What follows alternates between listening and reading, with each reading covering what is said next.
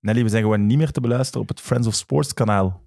Ik ben blij, we gaan eindelijk... We worden opgeslokt door de grote media.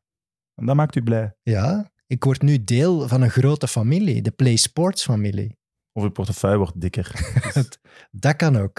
is maar goed dat we het bekijken. Moeten we hier emotioneel over doen dat we zo vier jaar geleden Start New Channel hebben gedaan, Friends of Sports, en dat wij nu de eerste zijn die die verlaten. Ja, dat is, dat is heel hard. En ik, eh, ik zou het ook kunnen aannemen dat fans zeggen, nee, ik ga niet mee naar dat nieuwe kanaal. Dat die trouw blijven aan Friends of Sports. Dat zou ik ook kunnen begrijpen. Dus, of gewoon alles.